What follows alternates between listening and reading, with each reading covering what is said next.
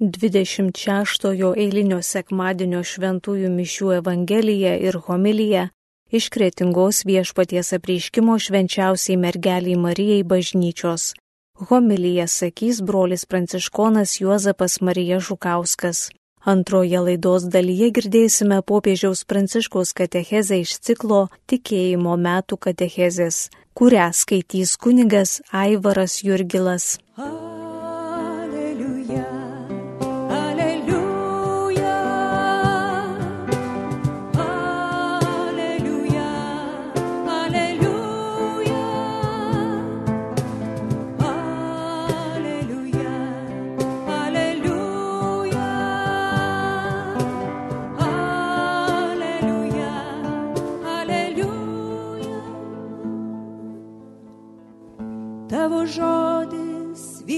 viešpatie yra tiesa. Pašventink mūsų tiesa.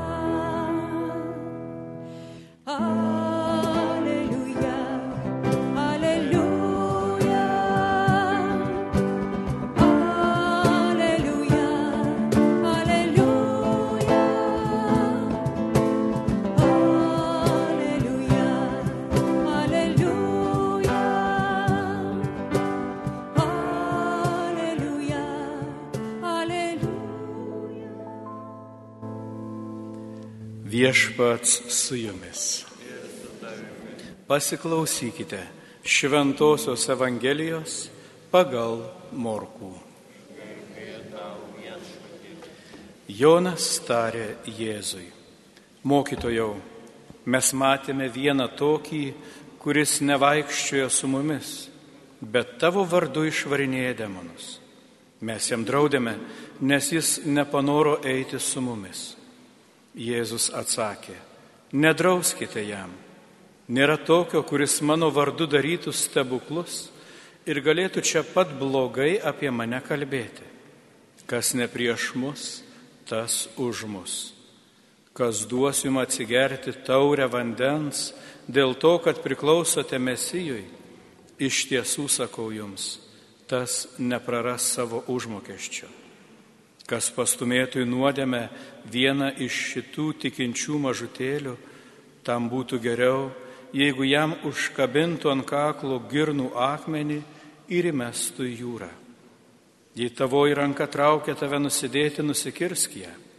Tau verčiau sužalotam įeiti į gyvenimą, negu turint abi rankas patekti į pragarą, į negestančią ugnį. Ir jei tavoji koja veda tave į nuodėmę, nusikirsk ją, nes tau geriau luošam įžengti gyvenimą, negu turint abikojas, būti įmestam į pragarą. O jei tave gundo nusidėti tavoji akis, išlūp ją, nes verčiau tau vienakvį įeiti Dievo karalystę, negu turint abi akis būti įmestam į pragarą, kurių kirminas nemiršta ir ugnis negesta. Girdėjote viešpatie žodį. Evangelijos žodžiai ten naikina mūsų klaidas. Ah.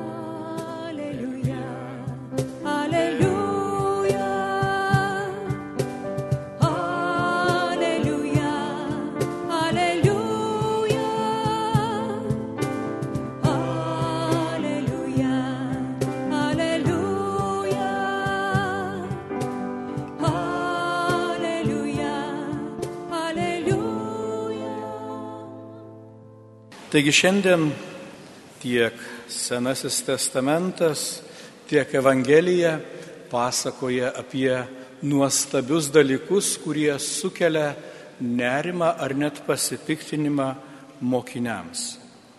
Pirmajame skaitinėje girdime, kaip ima pranašauti žmonės stovykloje ir Jozoje sako, mozijai sudrausk, jie ne iš mūsų. Čia girdime kaip Jonas atbėga pas Jėzų ir sako, matėm tokį, kuris išvarinėja demonus, bet su mumis nevaikšto, mes jam norėjome uždrausti. Ir iš ties, kasgi atsitinka? Kasgi atsitinka, kad rodos geri darbai suskaldo žmonės. Tie patys apaštalai staiga pamatė tą, kuris su jais nevaikšto, juo pasipiktina, nežiūrint to, kad jis daro gerus darbus. Ir čia turėtume paklausti klausimą, o kasgi su tais apaštalais negerai, kad prie jų nenori žmonės jungtis. Jie myli Jėzų, jo vardu daro nuostabius darbus, bet sako, bet vad su tais, tai nenorim nieko bendro turėti. Ir kartais galbūt panašią situaciją ir ne kartais dažnai mes matome ir su mumis krikščionėmis. Pasaulio žmonės nekarta yra mus kaltinę, sako, jūs tikrai gerus dalykus kelbėt, gražiai viskas šventajame rašte surašyta, bet kai pasižiūri į kai kuriuos tikinčiuosius, sakai, nenoriu nieko bendro su jais turėti. Ir čia akmuo turėtų būti metamas kiekvienam mūsų, neišskiriant nei vieno į mūsų širdis. Kaip mes gyvenam, kaip mes elgiamės, kad ne tik, kad neliudijam Dievo karalystės, bet dar netgi sugebame kitus žmonės atstumti. Ir čia Jėzus sako, pažiūrėkite, kaip Dievo dvasia veikia. Ji veikia visur. Ir bažnyčia, krikščionis neturi nei meilės, nei tiesos monopolio. Daugybė žmonių, kurie galbūt niekad nėra girdėję apie Jėzų, kurie išpažįsta galbūt visiškai kitaip Dievą, daro nuostabius darbus. Atveria savo širdį artimui, ištiesia pagalbos ranką nukentėjusiam ir atvirkščiai žmonės, kurie vadina save krikščionėmis, kartais užkietina savo širdį broliui ir seseriai, pikdžodžiauja, apkalbinėja, meluoja, vienas kitas kreudžia. Žvelkime, kad yra paštalas Jokūbas, kaip su tokiu pykčiu ir net pagėža kalba apie turtuolius, kurie nusuka atlygį nuo darbininkų, kurių sako auksas ir sidabras rudyje. Rudyje ne todėl, kad būtų rūdis įsimetę, bet todėl, kad nenaudojamas geriem darbam, o stovi sudėta kažkur. Ir Jėzus sako, nei vienas, nei vienas, kuris daro, kad ir mažiausią gerą darbą, kad ir paprastą stiklinę vandens paduoda, nepraras savo užmokesčio. Ir atvirkščiai, kiekvienas, kuris savo elgesiu, savo papiktinimais atstumia, kad ir pati mažiausia, jam būtų geriau, kad girnapusė jam ant kaklo būtų užkabinta, jam geriau, kad būtų luošas ar aklas, negu pakliūtų į pragarą. Tai kągi, sakykit, broliai, sesės reikia daryti, kaip reikia gyventi. Ir čia matome nuostabų dalyką. Dar moziai, melžiantis, Dievo dvasia nužengia ant stovykloje esančių išrinktųjų ir jie ima pranašauti. Ir galbūt mes kartais nesusimastome, bet Krikšto dieną kiekvienas iš mūsų esame patepti pranašystai. Tai sakysite, Tai kaip dabar man daryti? Kaip aš čia dabar turėčiau pranašauti? Pranašavimas prasideda nuo tiesos sakymo. Kada mes sugebame kitam į akis pasakyti tiesą apie jį. Mes kartais būname iš tiesų per daug mandagus ir nesimame sudrausminti blogai elgianti, nesimame sustabdyti tikrai gyvenantį nuodėmėje. Aišku, pranašai niekada nebuvo populiarūs. Jie netgi buvo labai tokie nemėgstami ir dažnai baigdavo gyvenimą mirtimi, nes niekas nemėgsta, kad jam į akis rėžtų teisybę. Bet mes esame patepti ne tik pranašystai, mes esame patepti meiliai ir gailestingumui. Ir todėl ta pati tiesa gali būti pasakyta ir su meilė ir gailestingumu. Kiekvienas iš jūsų galite kitam ištarti, broli sesė, žiūrėk, esi apdovanotas sveikata, esi apdovanotas gražiu geru gyvenimu. Ar dėkoji Dievui už tai? Ar meldiesi, kad tavo vaikai nepakliūtų į puikybės nuodėmę, kad neišpuiktų nuo gero gyvenimo? Ar daliniesi su stokojančiais tuo, ką Dievas yra tau patikėjęs? Arba sutikęs liūdinti, gyvenimo džiaugsmą praradusi, ar išdrįstame jam pasakyti, broli sesė, pasižiūrėk, ar nėra nuodėmės tavo gyvenime. Galbūt kažką netaip darai, galbūt esi kažką nuskriaudęs, galbūt esi kažką apgavęs. Ir todėl krauni turtus kaip į keurą maišą. Todėl rūbai tavęs jau nebešildo ir gražus namai tavęs nebedžiugina, nes nėra tiesos ir teisingumo tavo širdyje. Nelabai populiarūs, nelabai malonų žodžiai, bet kartais tie žodžiai gali sugražinti brolių ir sesį į gyvenimą, sugražinti gyvybę. Ir mes esame bendruomenė ne tik, kad gražiai suėję pasimelstume, atšvestume sekmadienį, bet kad ir saugotume viens kitą. Kad nebijotume paprašyti ir užtarimo maldos. Ypatingai, kada yra sunku, kada galbūt liūdėsys apėmęs, nėra lengva, bet išdrįskime prieiti prie kito brolio ir sesers ir sakyti, pasimelsk už mane. Man dabar yra sunku. Pabūk su manimi maldoje sukalbėkime kartu Dievo gailestingumo vainikėlį. Padėk man, nes aš dabar nebegaliu vienas pats eiti. Tuomet mes būsime ta bendruomenė, kuri nešioja vienas kitų naštas. Tuomet mes būsime atgaivos ir stiprybės vieta vienas kitam. Ir tuo pačiu auksime tikėjime. Nes nebijodami prisipažinti, kad esame silpni, leisime Dievo jėgai, šventai dvasiai, nužengti ir daryti savo darbus.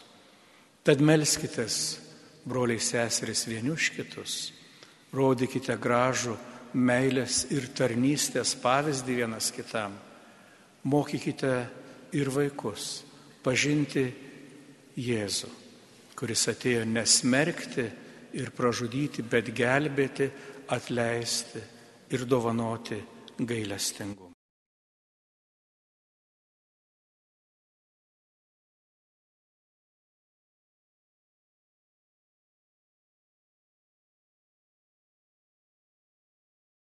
Popiežius Pranciškus bendrosios audiencijos katecheze. Žengęs dangun Jėzus užtarė mus. Tikėjimo išpažinime yra teiginys, kad Jėzus įžengė į dangų ir sėdi Dievo tėvo dešinėje. Jėzaus žemiškasis gyvenimas pasiekia viršūnę per įžengimą į dangų, kai perėjęs iš šio pasaulio pas tėvą, jis tampa išaukštintas tėvo dešinėje. Kokia šio įvykio prasme? Kokios jo pasiekmes mūsų gyvenimui? Ką reiškia kontempliuoti Jėzų, sėdinti tėvo dešinėje? Šiuose svarstymuose mūsų palidovas bus evangelistas Lukas.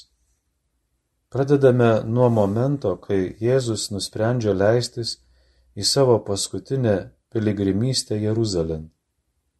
Šventasis Lukas rašo, atėjus metui, kai turėjo būti paimtas iš pasaulio, Jėzus ryštingai nukreipė savo veidą į Jeruzalę. Luko Evangelijos 9 skyrius 51 eilutė. Įžengdamas į šventąjį miestą, kur įvyks jo išėjimas iš šio gyvenimo, Jėzus jau regi tikslą - dangų, tačiau gerai žino, kad kelias, gražinantis jį į tėvo šlovę, veda per kryžių, per klusnumą Dievo meilės planui, parengtam žmonijai.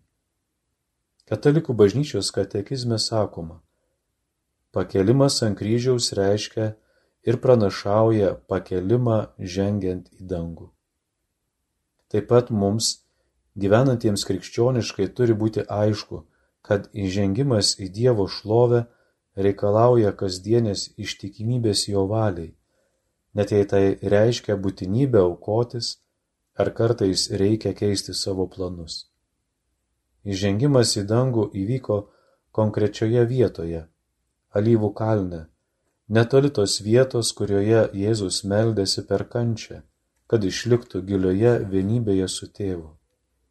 Dar kartą matome, kad malda duoda mums malonę, leidžiančią gyventi ištikimai laikantis Dievo plano.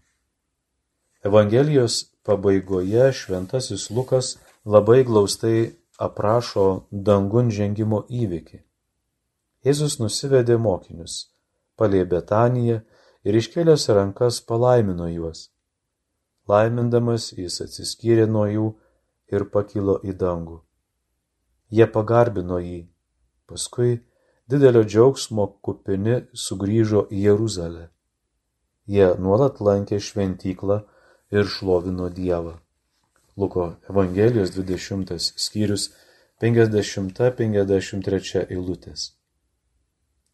Norėčiau atkreipti dėmesį į du dalykus šiame pasakojime. Pirmiausia, prieš žengdamas į dangų, Jėzus daro kunigišką laiminimo gestą, o mokiniai tikrai išreiškia savo tikėjimą parpuldami. Jie suklumpa, palengdami galvas. Tai pirmas svarbus dalykas. Jėzus yra vienintelis ir amžinasis kunigas, kuris kentėdamas perėjo mirtį ir kapą, prisikėlė ir įžengė į dangų. Jis dabar visiems laikams yra pas Dievą tėvą, kuris mus užtartų. Kaip tvirtina šventasis Jonas savo pirmajame laiške, Jėzus yra mūsų užtarėjas. Kaip gražu tai girdėti. Kai žmogus gauna šaukimą pas teisėją arba kelia kam nors bylą, pirmiausia, jis turi susirasti advokatą, kuris jį gintų. Mes turime advokatą, kuris mus gina visuomet, apgina mus nuo velnio priekabių ir nuo mūsų pačių, nuo mūsų nuodėmių. Rangus broliai seserys, turime tokį advokatą. Nebijokime eiti pas jį ir prašyti atleidimo, prašyti jo palaiminimo, prašyti, kad pasigailėtų mūsų. Jis visuomet atleidžia, jis mūsų advokatas, jis visuomet mus gina. Šito nepamirškite. Jėzaus įžengimas į dangų leidžia mums pažinti šią mūsų kelionėje labai guodžiančią tikrovę. Kristuje, kuris yra tikras Dievas ir tikras žmogus, mūsų žmogiškumas buvo užkopęs į viršūnę, patraukė mus prie savęs, kad nuvestų pas Dievą. Jei patikime jam savo gyvenimą, jei leidžiamės jo vadovaujami, esame tikri, kad esame saugose rankose, mūsų išganytojo, mūsų advokato rankose. Kitas dalykas. Šventas Lukas pasakoja, kad apaštalai, matę Jėzaus įžengimą į dangų, grįžo į Jeruzalę, didelio džiaugsmo kupini. Tai mums atrodo keistokai. Paprastai atsiskirimas nuo artimųjų ar bičiulių ypač mirties atveju, natūraliai kelia liūdėsi, nes reiškia, kad nebegalėsime daugiau matyti to žmogaus veido, klausytis jo balso, džiaugtis jo meilę ir buvimu. O evangelistas pabrėžia gilų apaštalų džiaugsmą. Ar tai įmanoma? Taip yra todėl, kad Jėzaus mokiniai tikėjimo akimis suvokia, nors Jėzus pranyko jiems iš akių, jis amžiams pasilieka su jais, jų nepleidžia ir Dievo tėvo šlovėje juos palaiko, veda ir užtaria. Šventasis Lukas pasakoja apie žengimą į dangų taip pat apaštulų darbų pradžioje pabrėždamas, kad šis įvykis yra tarsi grandis, sukabinanti ir susijęjanti žemišką į Jėzaus gyvenimą su bažnyčios gyvenimu. Šventasis Lukas mini ir debesi, kuris uždengia pas Dievą žengiantį Jėzų nuo į jį žvelgiančių mokinių akių. Pasirodo du vyrai baltais drabužiais ir sako mokiniams, kad jie nestovėtų žiūrėdami į dangų, bet stiprintų savo gyvenimą bei liudijimą tikrumu, jog Jėzus sugrįž tokiu pat būdu, kaip yra įžengęs į dangų. Tai kvietimas semtis jėgų iš Kristaus karalystės kontempliavimo ir skelbti bei liudyti Evangeliją kasdienėme gyvenime. Kontempliuoti ir veikti ora et labora, moko šventas Benediktas. Krikščioniškajame gyvenime reikia vieno ir kito. Brangus broliai seserys, žengimas į dangų nereiškia Jėzaus nebuvimo, bet sako mums, kad jis naujų būdų gyvena tarp mūsų. Jo jau nebėra konkrečioje pasaulio vietoje, kaip kad jis buvo prieš žengdamas į dangų. Dabar Jėzus yra Dievo karalystėje, esantis visur ir visada, artimas kiekvienam iš mūsų. Gyvenime niekuomet nesame vieni, turime šį advokatą, kuris mūsų laukia ir mus gina. Niekuomet nesame vieni, mus veda nukryžiuotas ir prisikėlęs viešpats. Draugė su mumis yra daugybė brolių ir seserų, kurie tyloje ir nematomi, šeimoje ir darbe, su problemomis ir sunkumais, su džiaugsmais ir viltimis kasdien gyvena tikėjimu ir kartu su mumis neša į pasaulį Dievo meilės karalystę, Kristuje Jėzuje, kuris prisikėlė, įžengė į dangų, kad būtų mūsų užtarėjas. Girdėjome 26-ojo eilinio sekmadienio šventųjų mišių Evangeliją ir homiliją iš kretingos viešpaties apreiškimo švenčiausiai mergeliai Marijai bažnyčios. Homilyje sakė brolis pranciškonas Juozapas Marija Žukauskas. Antroje laidos dalyje girdėjome popiežiaus pranciškaus katechezę iš ciklo tikėjimo metų katechezės, kurią skaitė kunigas Aivaras Jurgilas.